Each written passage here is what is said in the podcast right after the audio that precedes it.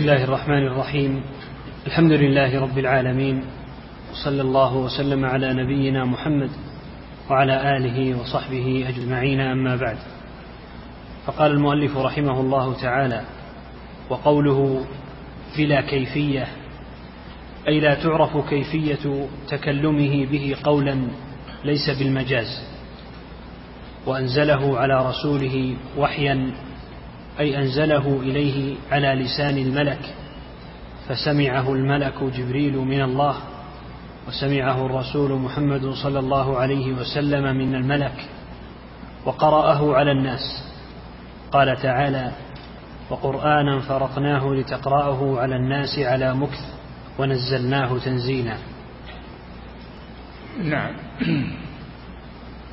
وقال تعالى بسم الله الرحمن الرحيم. الحمد لله رب العالمين. صلى الله وسلم على نبينا محمد وعلى آله وأصحابه أجمعين. هذا في بيان نزول القرآن على محمد صلى الله عليه وسلم بواسطة جبريل أمين الوحي. نزل به الروح الأمين يعني جبريل على قلبك أي قلب محمد صلى الله عليه وسلم. لتكون من المنذرين. تنذر به الناس. تكون من المنذرين. فالله جل وعلا أنزل القرآن تكلم بالقرآن. وسمع جبريل كلامه تحمله عنه بأمره ونزل به إلى محمد صلى الله عليه وسلم وبلغه إياه والرسول بلغه لأمته. هذا هو القرآن الكريم. منزل من الله. تنزيل الكتاب لا ريب فيه من رب العالمين. غير مخلوق كما تقوله الجهمية وإنما هو وإنما هو كلام الله تكلم به وحمله جبريل أمين الوحي الروح الأمين. جبريل بلغه لمحمد صلى الله عليه وسلم.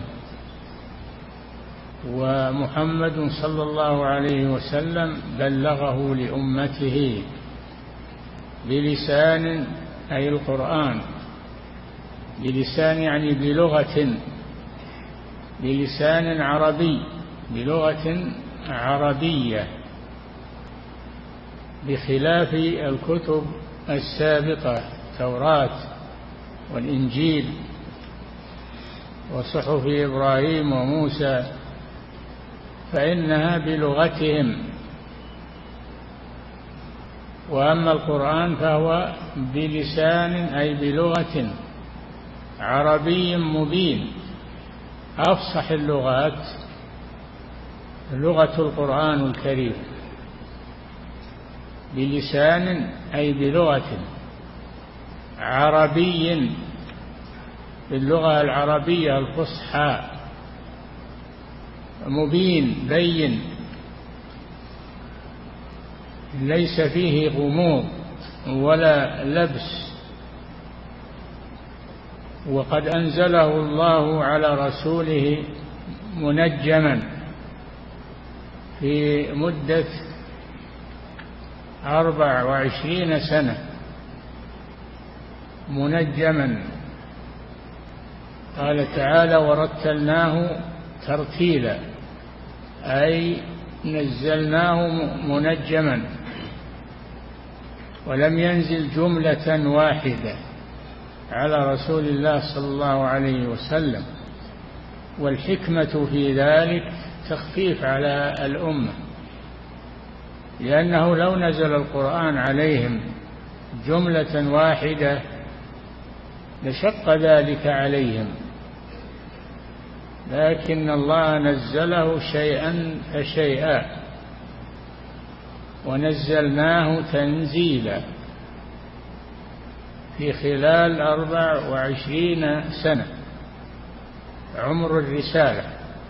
نعم. وقال تعالى نزل به الروح الأمين. نزل به جبريل عليه السلام. نعم. نزل به الروح الأمين.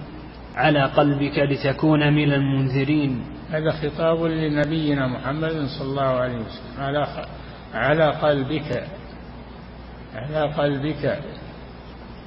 والحكمة لتكون من المنذرين. تنذر الناس بهذا القرآن. وأوحي إلي هذا القرآن لأنذركم به. ومن بلغ. من بلغه القرآن. إلى آخر الدنيا. فإنه قامت عليه الحجة. نعم. بلسان عربي مبين. اختار الله لهذا القرآن أفصح اللغات. لأن اللغة العربية لهجات مختلفة. حسب القبائل هذا القرآن نزل بلغة قريش. التي هي لغة الرسول صلى الله عليه وسلم وهي أفصح اللغات. نعم. نزل به الروح الأمين على قلبك لتكون من المنذرين بلسان عربي مبين وفي ذلك إثبات صفة العلو لله تعالى. في ذلك إثبات العلو لله عز وجل لأن النزول لا يكون إلا من أعلى إلى أسفل. فالنزول نزول القرآن يدل على علو الله على على على عرشه وسماواته. نعم. وقد أورد على ذلك أن إنزال القرآن نظير إنزال المطر وإنزال الحديد.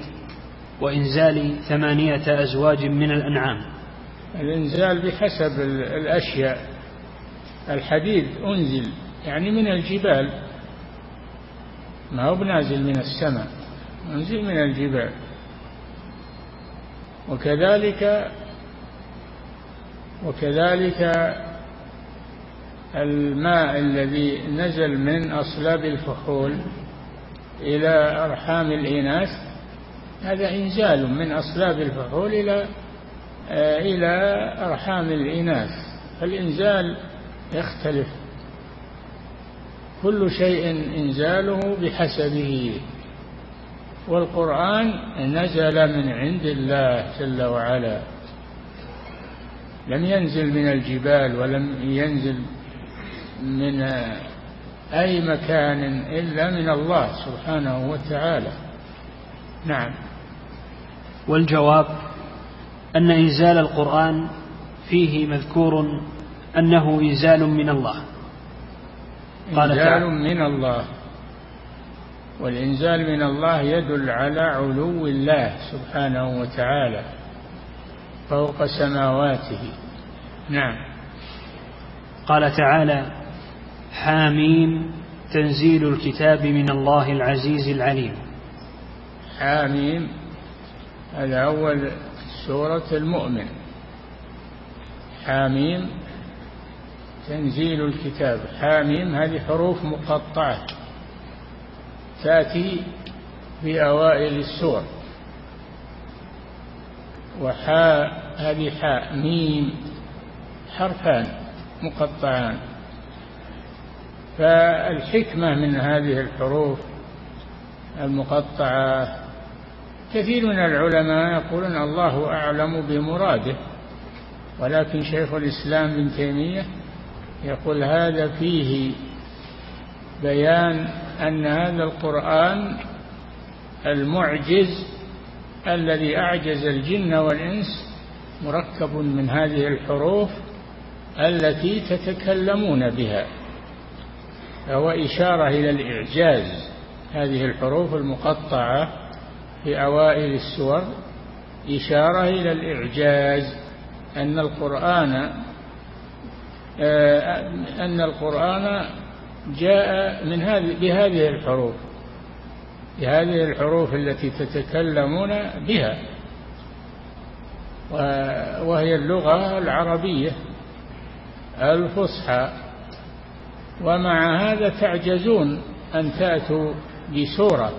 واحدة مثل القرآن دل على أنه من عند الله عز وجل. نعم. وقال تعالى تنزيل الكتاب من الله العزيز الحكيم. تنزيل الكتاب من الله العزيز العليم. تنزيل الكتاب من الله العزيز الحكيم. فكل الآيات تدل على أن القرآن نزل من الله.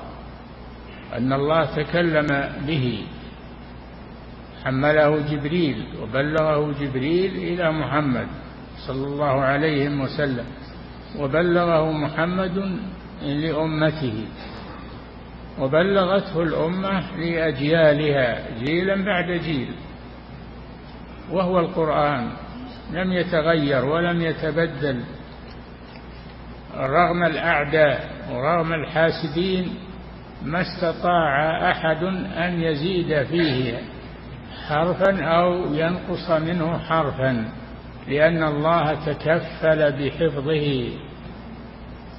إنا نحن نزلنا الذكر وإنا له لحافظون. نعم. الكتب السابقة حرفت وبدلت وغيرت لأن الله وكل حفظها إلى الأحبار والعلماء فدخلها التغيير. وأما هذا القرآن فإن الله تكفل بحفظه ولم يكل حفظه إلى أحد لذلك بقي لم يغير منه حرف ولم يبدل منه كلمة كما أنزل على محمد صلى الله عليه وسلم. نعم. وقال تعالى تنزيل من الرحمن الرحيم. تنزيل من الرحمن هذا القرآن يعني. تنزيل من الرحمن الرحيم. وهو الله سبحانه وتعالى. تنزيل الكتاب لا ريب فيه من رب العالمين.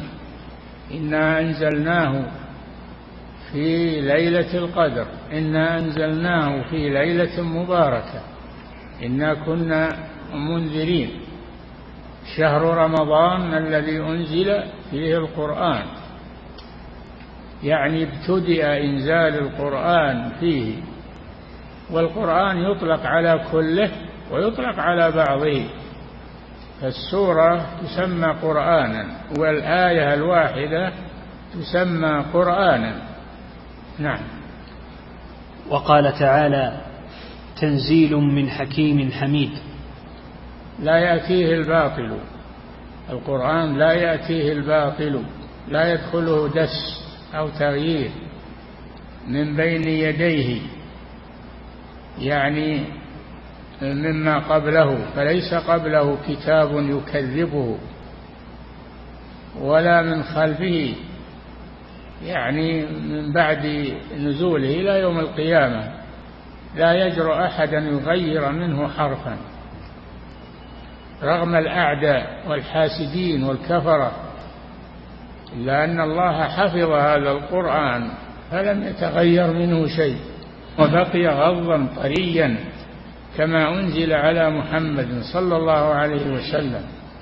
وسيستمر إلى أن يرفعه الله عند قيام الساعة يرفعه الله إليه منه بدأ وإليه يعود يرفعه الله من المصاحف ومن صدور الرجال فيصبح لا يوجد منه شيء.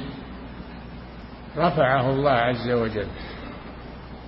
الذي أنزله هو الذي يرفعه وهو على كل شيء قدير. نعم. وقال تعالى انا انزلناه في ليله مباركه انا كنا منذرين. فيها يفرق كل أمر حكيم. أمرا من عندنا إنا كنا مرسلين. إنا أنزلناه في ليلة مباركة هي ليلة القدر. أي ابتدأ الله إنزاله على محمد صلى الله عليه وسلم. وقيل المراد أن الله أنزله جملة واحدة إلى سماء الدنيا إلى البيت المعمور في السماء الدنيا. ثم نزل بعد ذلك مفرقا ومنجما على رسول الله صلى الله عليه وسلم وهذا القول فيه نظر. وقد كتب الشيخ الإمام محمد بن إبراهيم رحمه الله مفتي البلاد السعودية كتب رسالة كتب رسالة في كيفية إنزال قال قال رحمه الله الجواب الواضح المستقيم في كيفية إنزال القرآن الكريم. نعم وهي موجودة مع مع فتاواه المطبوعة. نعم. وقال تعالى فأتوا بكتاب من عند الله هو أهدى منهما أتبعه إن كنتم صادقين. تحدى الله تحدى الله الخلق. من الجن والإنس أن يأتوا بمثل هذا القرآن. قل لئن اجتمعت الإنس والجن على أن يأتوا بمثل هذا القرآن لا يأتون بمثله ولو كان بعضهم لبعض ظهيرا. فهذه الآية من سورة الإسراء نزلت في مكة قبل الهجرة وقد تحدى الله والنبي صلى الله عليه وسلم في ذلك الوقت في ذلك الوقت لم يتم آه، أمره في بداية إرساله. ومع هذا تحدى الله الجن والإنس على أن يأتوا بمثل هذا القرآن. ثم تحداهم أن يأتوا بعشر سور. قل فأتوا بعشر سور مثله. أم يقولون افتراه قل فأتوا بعشر سور مثله مفتريات. وادعوا من استطعتم من دون الله. ادعوا من يناصركم ويعينكم على الإتيان بعشر سور. تحد بعد تحدي ثم تحداهم أن يأتوا بسورة من مثله. سورة واحدة. قل فأتوا بسورة من مثله. وادعوا شهداءكم من دون الله اللي يقولون إن هذه مثل القرآن. هاتوا من يشهد لكم أن ما جئتم به يماثل القرآن عجزوا عن هذا. عجزوا عن هذا لأنه تنزيل من حكيم حميد. نعم. وقال تعالى والذين آتيناهم الكتاب يعلمون أنه منزل من ربك بالحق. الذين آتيناهم الكتاب وهم اليهود والنصارى الذين آتاهم الله التوراة والإنجيل يعلمون. يعلمون أنه منزل من ربك بالحق. يعلمون هذا. وإن أنكروه مكابرة وحسدا إلا أنهم في قرارة أنفسهم يعلمون أنه من عند الله عز وجل. نعم. وقال تعالى قل نزله روح القدس من ربك بالحق. قل نزله روح القدس يعني جبريل عليه السلام. قل نزله روح القدس من ربك من من ربك.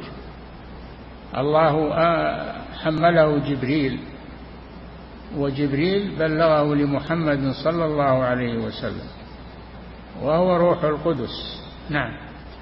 وإنزال المطر مقيد بأنه منزل من السماء. قال تعالى المطر إنزال كل شيء بحسبه. الله أخبر أنه أنزل من السماء ماء.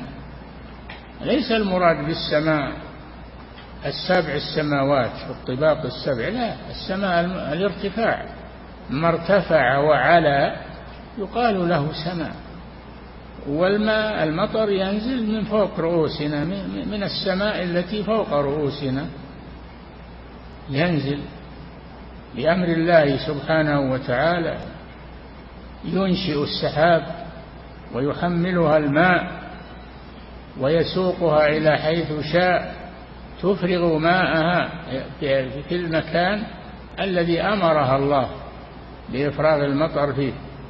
تأتي السحابة محملة بالماء من فوق رؤوسنا ولا ينزل منها قطرة تروح إلى مكان آخر تنزل فيه الماء الذي أمرت بإنزالها فيه دل على أن السحب مأمورة ومدبرة. ما ينزل منها قطرة إلا بأمر الله إلا بأمر الله سبحانه وتعالى. نعم. وإنزال المطر مقيد بأنه منزل من السماء. قال تعالى من السماء يعني من العلو ما هو من السماء الطباق لا السماء العلو. نعم. قال تعالى أنزل من السماء ماء نعم. والسماء العلو. وقد جاء في مكان آخر أنه منزل من المزن والمزن السحاب. أنتم أنزلتموه من المزن والمزن هو السحاب.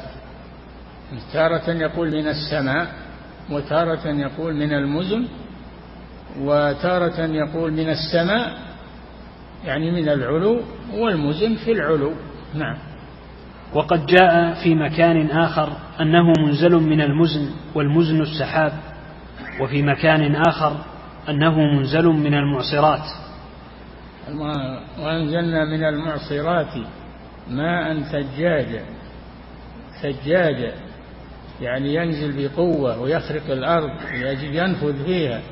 نعم. وإنزال الحديد والأنعام مطلق. أه؟ وإنزال الحديد والأنعام مطلق. أي نعم ما قال من السماء؟ وأنزلنا الحديد فيه بأس شديد. ما قال أنزلنا الحديد من مكان كذا؟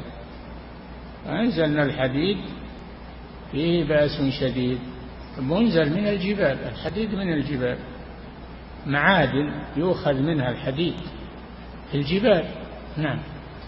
فكيف يشتبه هذا الإنزال بهذا الإنزال. وهذا يشتبه إنزال الحديد بإنزال القرآن ولا بإنزال المطر إنزال كل شيء بحسبه. نعم. وهذا الإنزال بهذا الإنزال فالحديد إنما يكون من المعادن التي في الجبال. نعم. وهي عالية على الأرض. الجبال عالية من الأرض ولهذا قال أنزلنا الحديد. أنزلناه يعني من علو الجبال. نعم. وقد قيل إنه كلما كان معدنه أعلى كان حديده أجود. نعم وقد قيل وقد قيل إنه كلما كان معدنه أعلى كان حديده أجود. كل ما كان الحديد من مكان أعلى فهو أجود من الذي نزل من مكان أدنى. الله أعلم بهذا نعم. والأنعام تخلق بالتوالد المستلزم إنزال الذكور الماء من أصلابها إلى أرحام الإناث. نعم. أنزل لكم من الأنعام ثمانية أزواج يعني أصناف. أنزلها من أين؟ من السماء؟ لا. من أصلاب الذكور. نعم. ولهذا يقال أنزل ولم ينزل. نعم. يقول والأنعام تخلق بالتوالد المستلزم إنزال الذكور الماء من أصلابها إلى أرحام الإناث. نعم. ولهذا يقال أنزل ولم ينزل. أنزل ولم ينزل. ولم ينزل يمكن. نعم. ولهذا يقال أنزل ولم ينزل. نعم. ثم الأجنة تنزل من بطون الأمهات إلى وجه الأرض. نعم. الأجنة تنزل من بطون الأمهات إلى الأرض. للولادة. نعم. ومن المعلوم أن الأنعام تعلو فحولها إناثها عند الوطن إي نعم مثل سائر الخلق. الذكور يعلو, يعلو ذكورهم على إناثهم من الدواب ومن الآدميين ومن كل المخلوق حتى الحشرات. نعم. وينزل شيء مشاهد. نعم. وينزل ماء الفحل من علو إلى رحم الأنثى. نعم. وتلقي ولدها عند الولادة من علو إلى سفل نعم. من بطنها إلى الأرض وبطنها أعلى من الأرض. نعم. وعلى هذا فيحتمل قوله وأنزل لكم من الأنعام وجهين أحدهما أن تكون من لبيان الجنس الثاني. أن تكون من ابتدائية. أنزل لكم من الأنعام تكون من ابتدائية. نعم. الثاني أن تكون من لابتداء الغاية. أي نعم تكون ابتدائية وتكون تبعيضية. نعم. وهذان الوجهان يحتملان يحتملان في قوله جعل لكم من أنفسكم أزواجا ومن الأنعام أزواجا. ومن الأنعام أزواجا. الأنعام لها أزواج من ذكورها والآدميون لإناثهم أزواج من ذكورها. كل شيء من ذكر وأنثى. نعم. وقوله وصدقه المؤمنون على ذلك حقا. وصدقه المؤمنون صدقوا محمدا صلى الله عليه وسلم على ذلك. لما قرأ عليهم القرآن آمنوا به وعلموا أنه منزل من الله سبحانه وتعالى. لأن لا لا أحد يقدر على أن يأتي بآية أو سورة من هذا القرآن فهو من عند الله عز وجل. نعم. وقوله وصدقه المؤمنون على ذلك حقا الإشارة محمد صلى الله عليه وسلم على ذلك على القرآن أنه من عند الله حقا لا يشكون في ذلك. نعم. الإشارة إلى ما ذكره من التكلم به على الوجه المذكور وإنزاله أي هذا قول الصحابة والتابعين لهم بإحسان وهم السلف الصالح وأن هذا حق وصدق. هذه عقيدة أهل السنة والجماعة من الصحابة والتابعين ومن بعدهم. على هذا الاعتقاد أن القرآن منزل من عند الله. نزل به جبريل على محمد صلى الله عليه وسلم. نزل به الروح الأمين على قلبك لتكون من المنذرين. وبلغه الرسول صلى الله عليه وسلم لأمته. نعم. قوله وأيقنوا أنه كلام الله تعالى بالحقيقة. ليس نعم كلام الله حقيقة لا مجازا كما تقوله المعتزلة والجامية. أنه من الله أن الله خلقه في جبريل أو خلقه في محمد صلى الله عليه وسلم. هذا كذب وباطل. القرآن منزه غير مخلوق. منزل من الله غير مخلوق كما تقوله الجهمية والمعتزلة وطوائف الضلال. وهو كلام الله حقيقة. يقولون كلام الله لا حقيقة وإنما مجاز. وقد كذبوا في ذلك. نعم. وقوله وأيقنوا أنه كلام الله تعالى بالحقيقة ليس بمخلوق ككلام البرية. إي نعم. رده على المعتزلة وغيرهم بهذا القول ظاهر. إي نعم. رد المؤلف الطحاوي رحمه الله على المعتزلة والجهمية والأشاعرة ظاهر. نعم. وفي قوله بالحقيقة رد على من قال إنه معنى واحد قائم بذات الله لم يسمع منه. يقولون مثل الأشاعرة والماتريدية الكلام معنى قائم بذات الله. معنى قائم بذات الله. وهذا القرآن حكاية عن كلام الله أو عبارة عن كلام الله. حكاه جبريل حكاه محمد هذا قول باطل. بل هو من الله وتكلم الله به وحمله جبريل بلغه جبريل لمحمد بلغه محمد للأمة. نعم.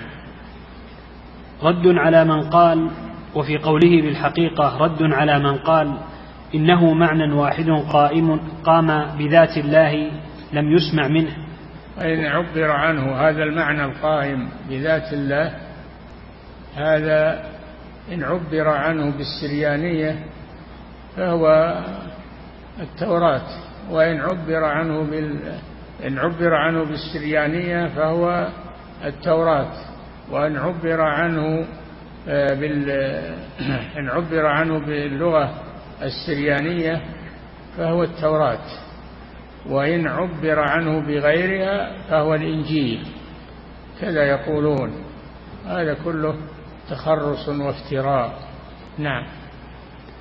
وإنما عبر عنه بالسريانية فهو التوراة. وإن عبر عنه بالعبرية فهو الإنجيل. وهذا كذب. القرآن كلام الله تكلم الله به حقيقة.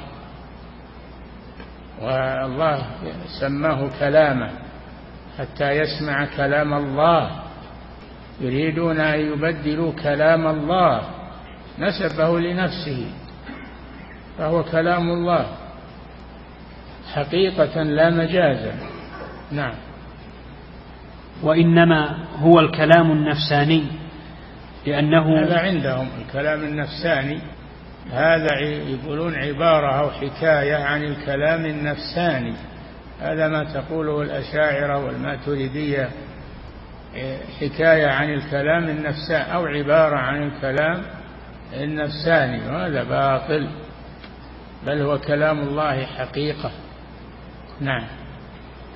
لأنه لا يقال لمن قام به الكلام النفساني. ولم يتكلم به إن هذا كلام حقيقة.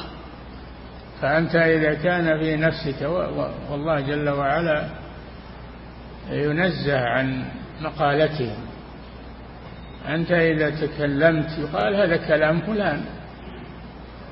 كلام فلان نطق به فلان. حقيقة ما هو ما هو مجاز. لماذا القرآن يقولون كلام الله مجاز؟ حكاية عن كلام الله عبارة عن كلام الله. لماذا يقولون هذا؟ ولا يقولون هو كلام الله حقيقة. تكلم الله به وسمعه جبريل تحمله من الله بلغه جبريل لمحمد صلى الله عليه وسلم بلغه محمد صلى الله عليه وسلم لأمته. هذا الذي دلت عليه الأدلة. نعم. لأنه لا يقال لمن قام به الكلام النفساني ولم يتكلم به إن هذا كلام حقيقة وإلا للزم أن يكون الأخرس متكلما. الأخرس الأخرس عنده قدرة لكنه لا يقدر على النطق. عنده الكلام قائم في نفسه لكن ما يقدر يعبر عنه. أخرس نعم. ولزم, ولزم أن لا يكون الذي في المصحف عند الإطلاق هو القرآن ولا كلام الله. نعم ولهذا يمتهنون المصحف ويقولون إنه ما هو كلام الله هذا حكاية.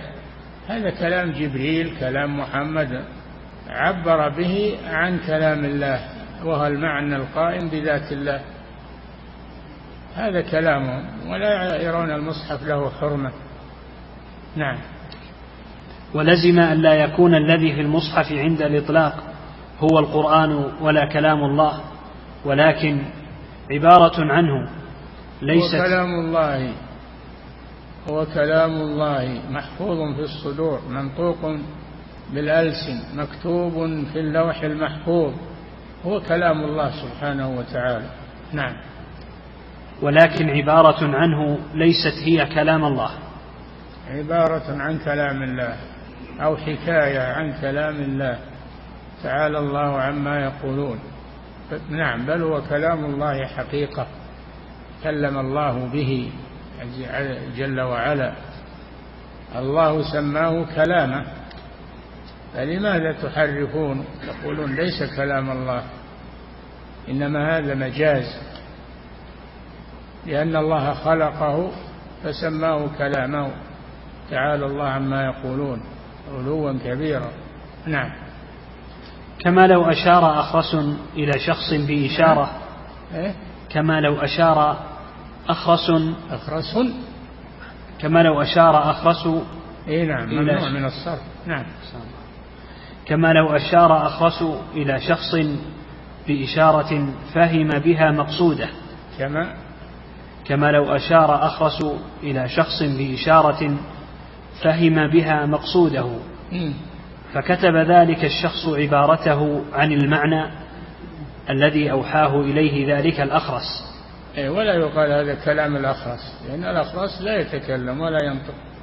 نعم. فالمكتوب هو عبارة ذلك الشخص عن ذلك المعنى. أي نعم. وهذا المثل مطابق غاية المطابقة لما يقولونه. وإن كان الله تعالى لا يسميه أحد أخرس.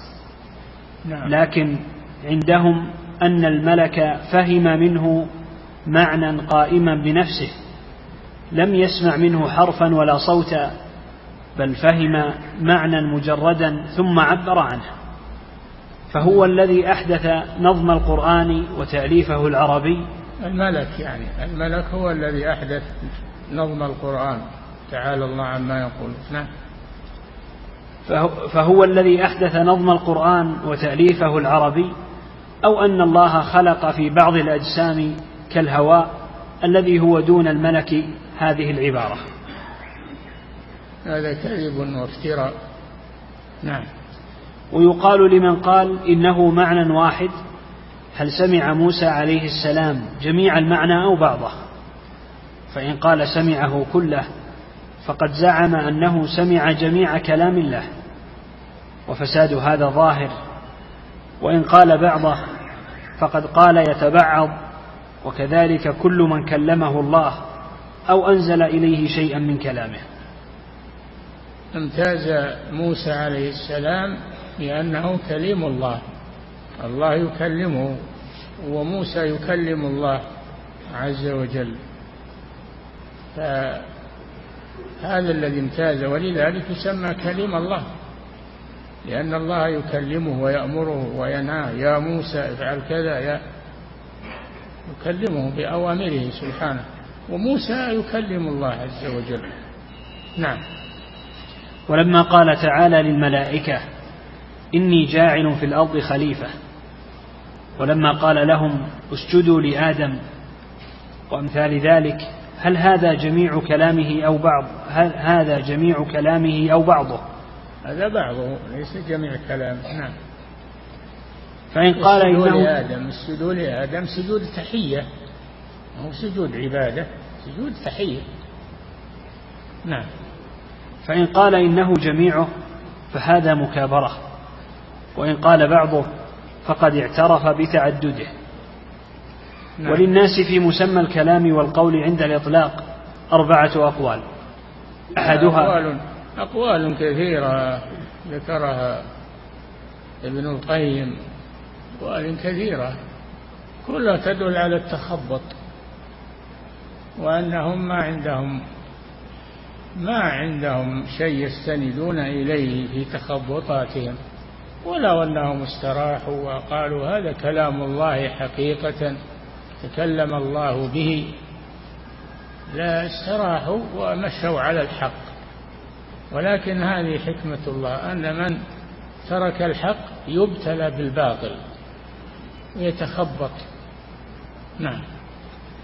وللناس في مسمى الكلام والقول عند الإطلاق أربعة أقوال.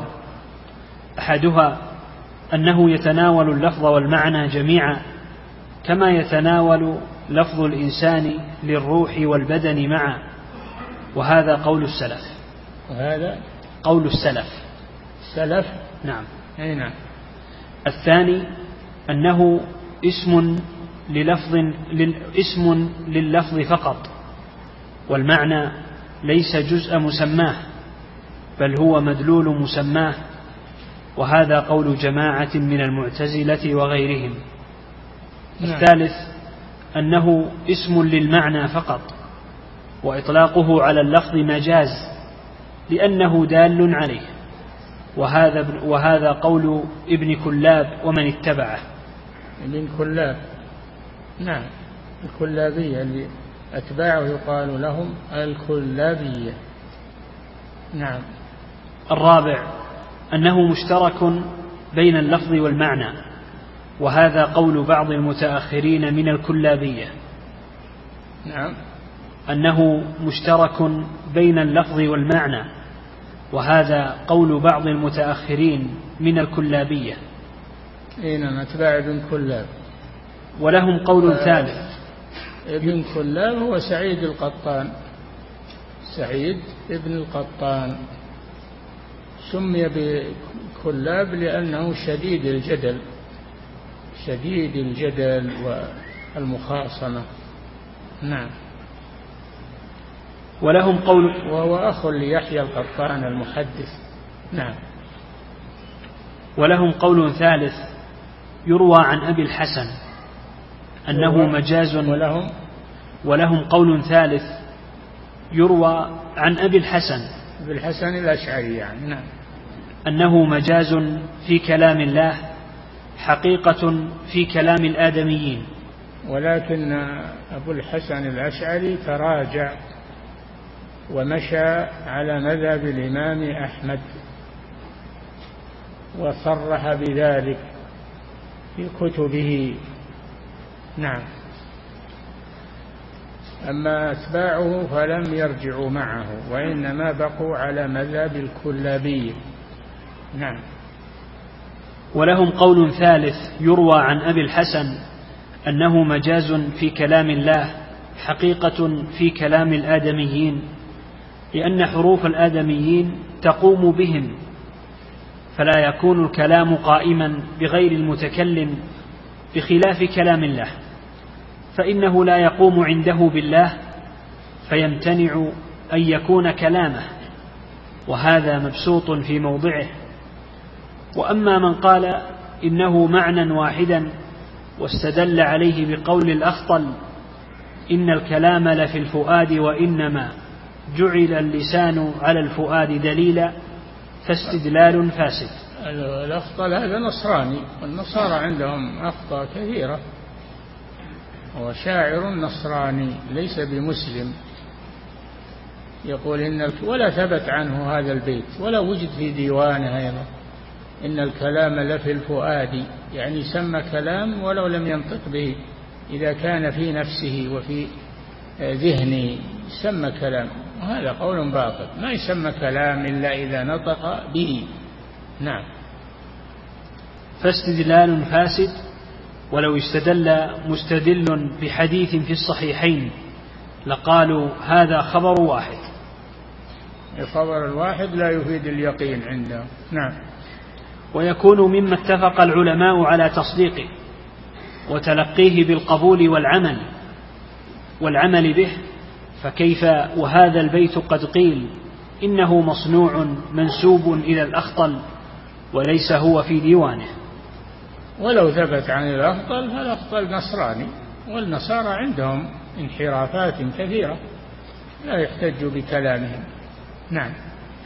وقيل إنما قال إن البيان لفي الفؤاد وهذا أقرب إلى الصحة وعلى تقدير صحته عنه فلا يجوز الاستدلال به فإن النصارى قد ضلوا في معنى الكلام وزعموا أن عيسى عليه الصلاة والسلام نفس كلمة الله واتحد اللاهوت بالناسوت أي شيء أي شيء من الإله بشيء من الناس. أي نعم. أفيستدل بقول نصراني قد ضل في معنى الكلام على معنى الكلام ويترك ما يعلم من معنى الكلام في لغة العرب؟ وأيضا فمعناه غير صحيح إذ لازمه أن الأخرس يسمى متكلما لقيام الكلام بقلبه وإن لم ينطق به ولم يسمع منه والكلام على ذلك مبسوط في موضعه وإنما أشير إليه إشارة. نعم. وهنا معنى عجيب. وهو أن هذا القول له شبه قوي بقول النصارى القائلين باللاهوت والناسوت. فإنهم يقولون كلام الله هو المعنى القائم بذات الله الذي لا يمكن سماعه وإنما النظم المسموع مخلوق فإفهام المعنى القديم بالنظم المخلوق يشبه امتزاج اللاهوت بالناسوت الذي قالته النصارى في عيسى عليه السلام فانظر إلى هذا الشبه ما أعجبه. نعم. ويرد ويرد قول من قال بأن الكلام هو المعنى القائم بالنفس قوله صلى الله عليه وسلم إن صلاتنا هذه لا يصلح فيها شيء من كلام الناس. نعم. وقال إن الله يحدث من أمره ما يشاء وإن مما أحدث ألا تكلموا في الصلاة. نعم. كانوا في الأول أول الإسلام يتكلمون في الصلاة يكلم الرجل من بجانبه. حتى نزل قوله تعالى حافظوا على الصلوات والصلاة الوسطى وقوموا لله قانتين. قال فأمرنا بالسكوت ونهينا عن الكلام في الصلاة. نعم. واتفق العلماء على أن المصلي إذا تكلم في الصلاة عامدا لغير مصلحتها بطلت صلاته. يتكلم عامدا بكلام لغير مصلحة الصلاة. أما لو تكلم لمصلحة الصلاة كما لو سهى الإمام وفتح عليه بكلام يفهمه الإمام فلا بأس بذلك. نعم. واتفقوا كلهم على أن ما يقوم بالقلب من تصديق بأمور دنيوية وطلب لا يبطل الصلاة وإنما لا. لا يبطل الصلاة. لا يبطل الصلاة.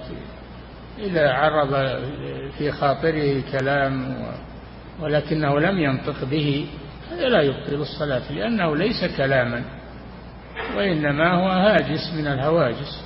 نعم. وإنما يبطلها التكلم بذلك. إيه نعم التلفظ باللسان. نعم. فعلم اتفاق المسلمين على أن هذا ليس بكلام. الهاجس الذي في النفس اتفقوا على أنه ليس بكلام حتى ينطق به. نعم. وأيضا ففي الصحيحين عن النبي صلى الله عليه وسلم أنه قال إن الله تجاوز لأمتي عما حدثت به أنفسها ما لم تتكلم به أو تعمل حدثت به. أنفسها. نعم. إن الله تجاوز لأمتي عما حدثت به أنفسها ما لم تتكلم به أو تعمل به. فدل على أن ما حديث النفس ليس بكلام. ليس بكلام. نعم. فقد أخبر أن الله عفى عن حديث النفس إلا أن تتكلم. ففرق. يتكلم وتجاوز لأمة الخطأ والنسيان. وما حدثت به أنفسها. ما لم تتكلم أو تعمل. نعم. ففرق بين حديث النفس وبين الكلام. ودل على أن حديث النفس لا يسمى كلاما. نعم. وأخبر أنه لا يؤاخذ به. وبيت الأفضل مصنوع ما ما صح نسبته إلى الأفضل. وأيضا لو صح نسبته إلى الأفضل الأفضل نصراني والنصارى عندهم ضلالات كثيرة وهذا منها. نعم. ففرق بين حديث النفس وبين الكلام. وأخبر أنه لا يؤاخذ به حتى يتكلم به والمراد حتى ينطق به اللسان باتفاق العلماء. فعلم أن هذا هو الكلام في اللغة لأن الشارع, لأن الشارع إنما خاطبنا بلغة العرب. نعم والكلام في لغة العرب ما تكلم به لا ما خطر في النفس والهواجس. لا يسمى كلام. نعم. وأيضا ففي السنن أن معاذ رضي الله عنه قال يا رسول الله وإنا لمؤاخذون بما نتكلم به. قال وهل يكب الناس في النار على مناخرهم إلا حصائد ألسنتهم؟ فدل على أن المعتبر ما نطقوا به لا ما دار في خواطرهم. لمؤاخذون بما نتكلم به. ما قال مؤاخذون على ما يكون في نفوسنا من الهواجس. نعم. فبين أن الكلام إنما هو باللسان. نعم. فلفظ القول والكلام وما تصرف منهما من فعل ماض ومضارع وأمر واسم فاعل إنما يعرف في القرآن والسنة وسائر كلام العرب إذا كان لفظا ومعنى. نعم. ولم يكن في مسمى الكلام نزاع بين الصحابة والتابعين لهم بإحسان. نعم ما في خلاف هذا. إن الكلام ما نطق به لا ما دار في النفس ولم يتكلم به الإنسان. نعم. وإنما حصل النزاع بين المتأخرين من علماء أهل البدع ثم انتشر. نعم. ابتلاهم الله بالجدل و... والأخذ والرد لأنهم تركوا تركوا الجادة الصحيحة. فابتلاهم الله بعلم الجدل والأخذ والرد ولم يتوصلوا إلى شيء. يقول واحد منهم إني آتي إلى منامي وأجر الغطاء ثم أتذكر قول فلان وقول فلان وش رد عليه وش رد. يقول فيأتي الفجر وأنا على هذا ولا توصلت إلى شيء. نعم. ولا ريب أن مسمى الكلام والقول ونحوهما ليس هو مما يحتاج فيه إلى قول شاعر فإن هذا مما تكلم به الأولون والآخرون من أهل اللغة. نعم. ولا ريب أن أن مسمى الكلام والقول ونحوهما ليس هو مما يحتاج فيه إلى قول شاعر. كالأفضل كبيت الأفضل يعني. نعم. فإن هذا مما تكلم به الأولون والآخرون من أهل اللغة. معروف هذا نعم. وعرفوا معناه كما عرفوا مسمى الرأس واليد والرجل ونحو ذلك. نعم. ولا شك أن من قال إن كلام الله معنى واحد قائم بنفسه تعالى وإن المتلو المحفوظ المكتوب المسموع من القارئ حكاية كلام الله وهو مخلوق. فقد قال بخلق القرآن في المعنى وهو لا يشعر. نعم. فإن الله تعالى يقول قل لئن اجتمعت الإنس والجن على أن يأتوا بمثل هذا القرآن لا يأتون بمثله. أفتراه سبحانه وتعالى يشير إلى ما في نفسه أو إلى هذا المتلو المسموع. ولا شك بمثل هذا القرآن هذا القرآن. وهذا القرآن كلام مكتوب ومحفوظ ومقروء وهو كلام الله سبحانه وتعالى. نعم. أفتراه سبحانه وتعالى يشير إلى ما في نفسه أو إلى هذا المتلو المسموع. ولا شك أن الإشارة إنما هي إلى هذا المتلو المسموع إذ ما في ذات الله غير مشار إليه. ولا منزل ولا متلو ولا مسموع. وقوله لا يأتون بمثله يكفي نقف عند هذا. نعم. أحسن الله. أحسن الله إليكم فضيلة الشيخ. هذا سائل يقول ما معنى قول الشارح لا تعرف كيفية تكلمه به قولا ليس بالمجاز؟ لا. يقول لا تعرف كيفية تكلمه به قولا ليس بالمجاز. نعم كسائر الصفات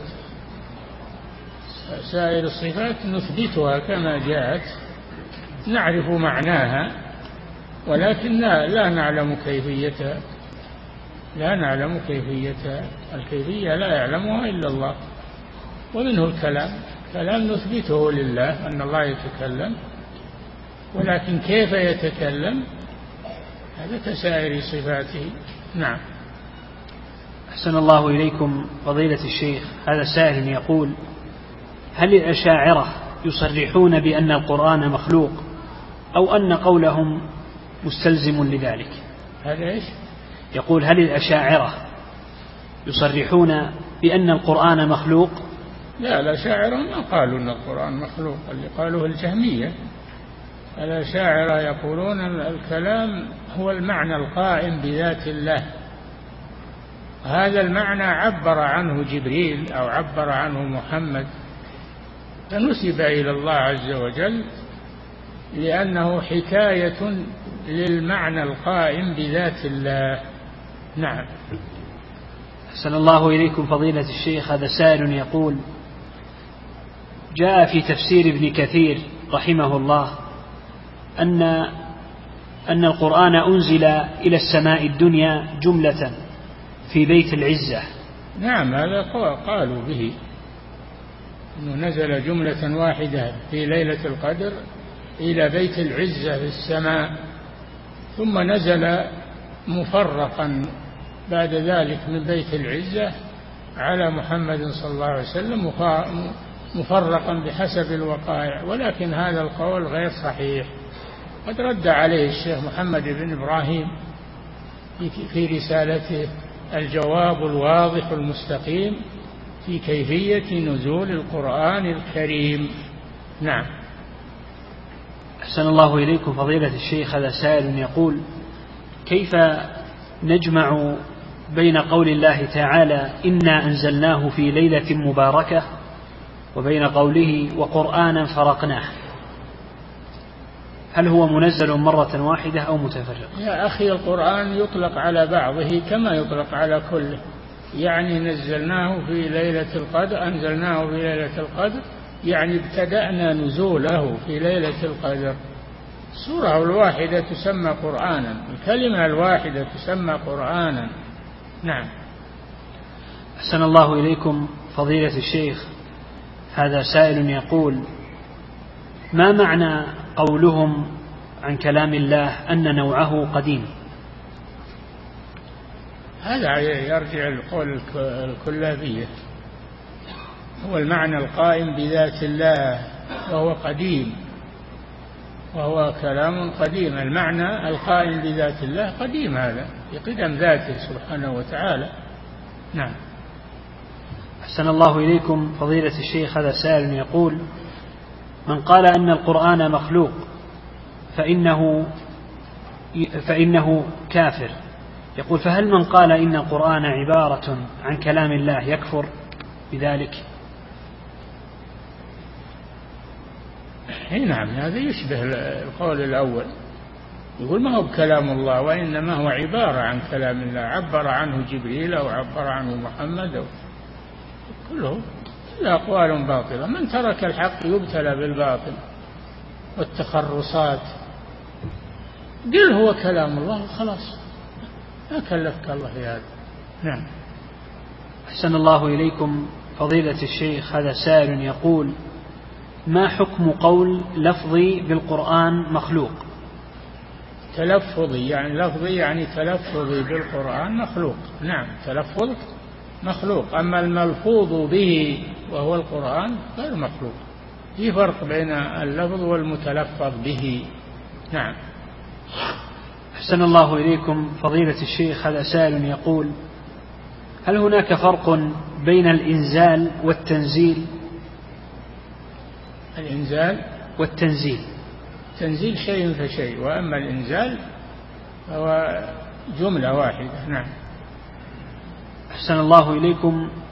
فضيلة الشيخ هذا سائل يقول ما معنى قولهم أنزله على لسان الملك؟ من هم اللي قالوا كذا؟ ما قال ما, ما أعرف أحد قال هذا. أنزله على لسان الملك؟ ما أعرف هالكلام نعم. أحسن الله إليكم فضيلة الشيخ هذا سائل يقول ما معنى قول الله تعالى وبالحق أنزلناه وبالحق نزل أي نعم. تأكيد. الحق أنزلناه أي القرآن وبالحق نزل. المعنى واحد من باب التأكيد. نعم. أحسن الله إليكم فضيلة الشيخ هذا سائل يقول هل صفة الكلام لله تعالى صفة ذاتية أم فعلية؟ صفة فعلية. صفة فعلية. نعم. أحسن الله إليكم فضيلة الشيخ هذا سائل يقول كيف تكون الأحاديث عن النبي صلى الله عليه وسلم وحيا يوحى إليه فيها؟ معنى معناها وحي من الله واللفظ من الرسول صلى الله عليه وسلم. نعم. ويقول وهل نقول عنها أنها حكاية عن كلام الله؟ لا. نقول إنها كلام الرسول معناها من الله ولفظها من الرسول صلى الله عليه وسلم. نعم. أحسن الله إليكم. فضيلة الشيخ هذا سائل يقول ما تفسير قول الرسول صلى الله عليه وسلم أن الله خلق آدم على صورته؟ أي نعم على صورته سميع بصير متكلم إلى آخره. نعم. أحسن الله إليكم. فضيلة الشيخ هذا سائل يقول هل البوصيري صاحب كتاب مصباح الزجاجة هو غير البوصيري. لا لا هذا المحدث لا. صاحب البردة غير البوصيري صاحب المحدث. نعم. أحسن الله إليكم. فضيلة الشيخ هذا سائل يقول في قول النبي صلى الله عليه وسلم عن آه، يقول عن العزة يقول ولا عزة بعدها. يقول هل معناه أنه لا يوجد بعدها أصنام تعبد في جزيرة العرب؟ ما توجد العزة العزة انتهت خلاص قتلت وانتهت والشجرة قطعت. أن تسمعها الحين العزة ما تسمع لها ذكر لأنها انتهت. نعم. أحسن الله إليكم. فضيلة الشيخ هذا سائل يقول لدينا إمام في في إحدى القرى في بلدنا يقول يجهر بالاستغاثة بالرسول صلى الله عليه وسلم بمكبرات الصوت ويقول يا رسول الله المدد فما حكم الصلاة خلفه؟ لا يجوز هذا مشرك. الذي يطلب من الرسول الحاجات والمدد ويناديه هذا مشرك ولا يجوز الصلاة خلفه نعم. أحسن الله إليكم فضيلة الشيخ. هذا سائل يقول قولنا قولهم وأن لا يعبد الله إلا بما شرع. ما المقصود بقول إلا بما شرع بما شرعه الرسول صلى الله عليه وسلم. فعبادة الله بغير ما شرعه الرسول مردودة لأنها بدعة. كل بدعة ضلالة. نعم. أحسن الله إليكم فضيلة الشيخ. هذا سائل يقول ما حكم استعمال يقول ما حكم ذكر الله بلفظ الجلالة؟ فنقول الله الله. لا هذا ما هو ذكر. الله الله الله هذا ما هو ذكر. لابد يكون جملة. لا إله إلا الله الله لا إله إلا هو. لازم جملة مفيدة. أما الاسم المفرد الله الله هذا ليس بذكر. نعم. أحسن الله إليكم. فضيلة الشيخ هذا سائل يقول كيف نرد على من يأتي بأبيات من الشعر؟ مثلا ويقول وصفا لفصاحتها أنها مثل القرآن. نسأل الله العافية. هذا كلام باطل. تشبيه لكلام المخلوق بكلام الخالق. نعم. أحسن الله إليكم فضيلة الشيخ. هذا سائل يقول ما حكم تكرار بعض الكلمات من آيات القرآن في الرقية؟ مثل؟ يقول تكرار الآية لا بأس تكرار كلمة واحدة. يقول مثلا وبطل ما كانوا يعملون يقول بطل بطل آه. بطل. يقول في قوله وبطل ما كانوا يعملون يقول بطل بطل بطل. مثل الآية كما هي. فوقع الحق وبطل ما كانوا يعملون. السحرة يعني سحرة فرعون. نعم. أحسن الله أحسن الله إليكم فضيلة الشيخ. هذا سائل يقول ذكر شارح الطحاوية عند قول المؤلف ونقول إن الله اتخذ إبراهيم خليلا وكلم الله موسى تكليما. كلاما مفاده لما اتخذ الله إبراهيم خليلا وسأله أن يهبه ولدا صالحا يقول إلى آخره إلى أن قال فأخذ هذا الولد مشعبة من قلبه فغار الخليل على خليله أن يكون فيه مكان لغيره ليظهر سر الخلة. فهل يجوز قول مثل هذا الكلام عن الله؟ اي نعم إيه. هذا معنى صحيح. إن الله سبحانه وتعالى ما يريد من إبراهيم أن يتخذ أن يتخذ خليلا غير الله عز وجل. نعم. أحسن الله إليكم. فضيلة الشيخ هذا سائل يقول ما حكم مصافحة النساء الكبيرات في السن من القواعد؟ لا يجوز هذا. مصافحة بالكلام. السلام بالكلام والمخاطبة بالكلام. النبي صلى الله عليه وسلم ما مست يده يد امرأة قط لا تحل له وإنما كان يبايع النساء بالكلام. نعم. أحسن الله إليكم فضيلة الشيخ. هذا سائل يقول امرأة تحيض في وقت معين من كل شهر ثم استخدمت حبوبا لرفعها. يقول فلما جاء ذلك اليوم في رمضان نزل عليها دم لمدة ثلاثة أيام في رمضان ثم انقطع وهو كدم العادة. فهل صيامها صحيح وهل هو دم حيض؟ إي نعم دم حيض. وصيامه غير صحيح.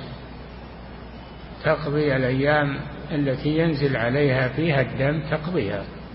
نعم. أحسن الله إليكم فضيلة الشيخ هذا سائل يقول ما حكم تغطية الرأس للرجل في الصلاة؟ أجمل. لا شك أنه أجمل. فكون الإنسان يتجمل للصلاة أفضل. نعم. أحسن الله إليكم فضيلة الشيخ هذا سائل يقول هل يجوز للمرأة أن تأخذ حبوبا لمنع الحيض في أداء العمرة؟ لا بأس بذلك يجوز. نعم. أحسن الله إليكم فضيلة الشيخ هذا سائل يقول في أثناء صلاتي انفجرت علي يقول انفجر علي جرح البواسير وخرج دم وصديد فما حكم صلاتي؟ إذا كان كثيرا فإنها تبطل الصلاة. أما إذا كان يسيرا فلا بأس بذلك ولا يؤثر على على الطهارة. نعم. أحسن الله إليكم. فضيلة الشيخ هذا سائل يقول أعيش في بلاد الكفر. وأخشى أن المحكمة تحكم علي بأنني إرهابي وأن, وأن تأخذ مني أولادي بسبب التزامهم بتعاليم الإسلام يقول في المدرسة كما حصل لبعض الإخوة هناك. يقول ولا أستطيع الهجرة فهل لي أن أجمع من صدقات المسلمين حتى أهاجر؟ أجمع إيش؟ من صدقات المسلمين. حتى أهاجر. يعني يعينونه على الهجرة. طيب هذا شيء طيب. لكن الزكاة لا. صدقات تبرع لا بأس. نعم. أحسن الله إليكم فضيلة الشيخ. هذا سائل يقول ما حكم النحنحة الكثيرة في الصلاة؟ للحاجة لا بأس. للحاجة لا بأس بذلك. ما لغير حاجة فلا. يكره. وإن بان حرفان من مع النحنحة بطلت الصلاة لأن الحرفان كلمة. نعم. أحسن الله إليكم فضيلة الشيخ هذا سائل يقول ما حكم تلوين الصور من ذوات الأرواح؟ لا تجوز الصور ولو ما لونت ما يجوز إلا ما كان من الصور ضروريا فإنه بقدر الضرورة فقط. نعم. أحسن الله إليكم فضيلة الشيخ هذا سائل يقول ما حكم قتل بعض الحشرات كالنمل مثلا؟ لا يجوز إلا إذا كان مؤذيا فيقتل بغير النار النار لا يقتل بها لا يعذب بالنار إلا رب النار. نعم. أحسن الله إليكم فضيلة الشيخ هذا سائل يقول في بعض البلاد يرتفع فيها أسعار العلاج ولا نستطيع شراء العلاج. يقول فهل يجوز لنا التأمين؟ إذا احتجتم إليه ضرورة لا بأس. نعم. أحسن الله إليكم. فضيلة الشيخ هذا سائل يقول هل الفراسة يعطيها الله للمؤمن؟ نعم قد يعطيها الله. إن في ذلك لآيات للمتوسمين. هذه الفراسة. نعم. أحسن الله إليكم فضيلة الشيخ هذا سائل يقول يسأل عن أفضل الكتب لحفظها في الأذكار. الوابل الصيب لابن القيم. طيب نعم. أحسن الله إليكم فضيلة الشيخ هذا سائل يقول إذا نويت بيع جزء من بيتي هل هل علي فيه زكاة؟ يقول إذا نويت بيع جزء من بيتي. هل علي فيه زكاة؟ إذا حال الحول على النية تم الحول بعد النية فعليه زكاة. نعم. أحسن الله إليكم. فضيلة الشيخ هذا سائل يقول مر بنا في درس الفجر يقول أن الغضب مذموم. يقول مر بنا في درس الفجر أن الغضب مذموم. فهل يدخل في هذا الوصية يقول هل يدخل في هذا الغضب لله؟ لا ما يدخل. الغضب لله هذا إنكار منكر. نعم. لا يدخل. نعم. أحسن الله إليكم فضيلة الشيخ هذا سائل يقول هل يجوز أكل لحم طبخ في قدر طبخ فيه لحم خنزير ولم يغسل؟ لا ما يجوز لأنه يبقى في القدر أو الإناء يبقى فيه آثار الخنزير لا بد من غسله. نعم. أحسن الله إليكم فضيلة الشيخ. هذا سائل يقول رجل يغتاب زوجته ويقول أمام أصدقائه يقول سأطلقها وهو يعيش معها هل تطلق بكلامه هذا؟ إن كان قال طلقتها تطلق أما إذا سأطلقها هذا ما يحصل فيه شيء لأنه ما لأنه يقول سأطلقها. هذا وعد. نعم. أحسن الله إليكم فضيلة الشيخ هذا سائل يقول هل الموت في المدينة سبب لشفاعة النبي صلى الله عليه وسلم؟ هل الموت في المدينة سبب لشفاعة النبي صلى الله عليه وسلم؟ سبب الاتباع سبب شفاعة النبي صلى الله عليه وسلم اتباعه. أما المدينة مات فيها المنافقون وهم في الدرك الأسفل من النار. ما هو مجرد الموت في المدينة سبب للشفاعة؟ السبب هو الاتباع. نعم. أحسن الله إليكم فضيلة الشيخ هذا سائل يقول ما الرد على من يقول بأن الصحابة رضي الله عنهم تقاتلوا في الخلافة والسلطة. نسأل الله العافية. هذا كلام باطل ولا يجوز. يمسك عما شجر بين الصحابة ولا يدخل فيه إلا على طريق الاعتذار لهم. أما الدخول فيه تخطئة بعضهم هذا لا يجوز. نعم. أحسن الله إليكم فضيلة الشيخ. هذا سائل يقول من صاب من صام يوما وأفطر يوما فوافق صيامه يوم السبت. فوافق. فوافق صيامه يوم السبت. يقول هل يصومه منفردا؟ اي نعم لأنه لأنه ما ما صام على أنه يوم السبت. صامه على انه أنه تابع لصيامه المعتاد له. نعم. أحسن الله إليكم فضيلة الشيخ هذا سائل يقول في قول الله تعالى فناداها من تحتها. من هو المقصود هنا؟ ابنها الطفل.